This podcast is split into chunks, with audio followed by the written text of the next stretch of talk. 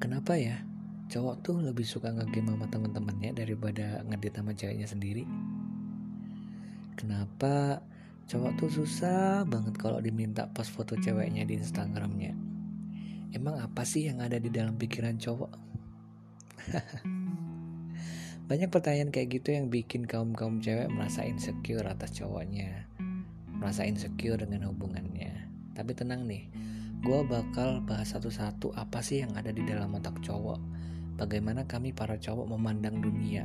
Bagaimana kami para cowok memandang wanita juga.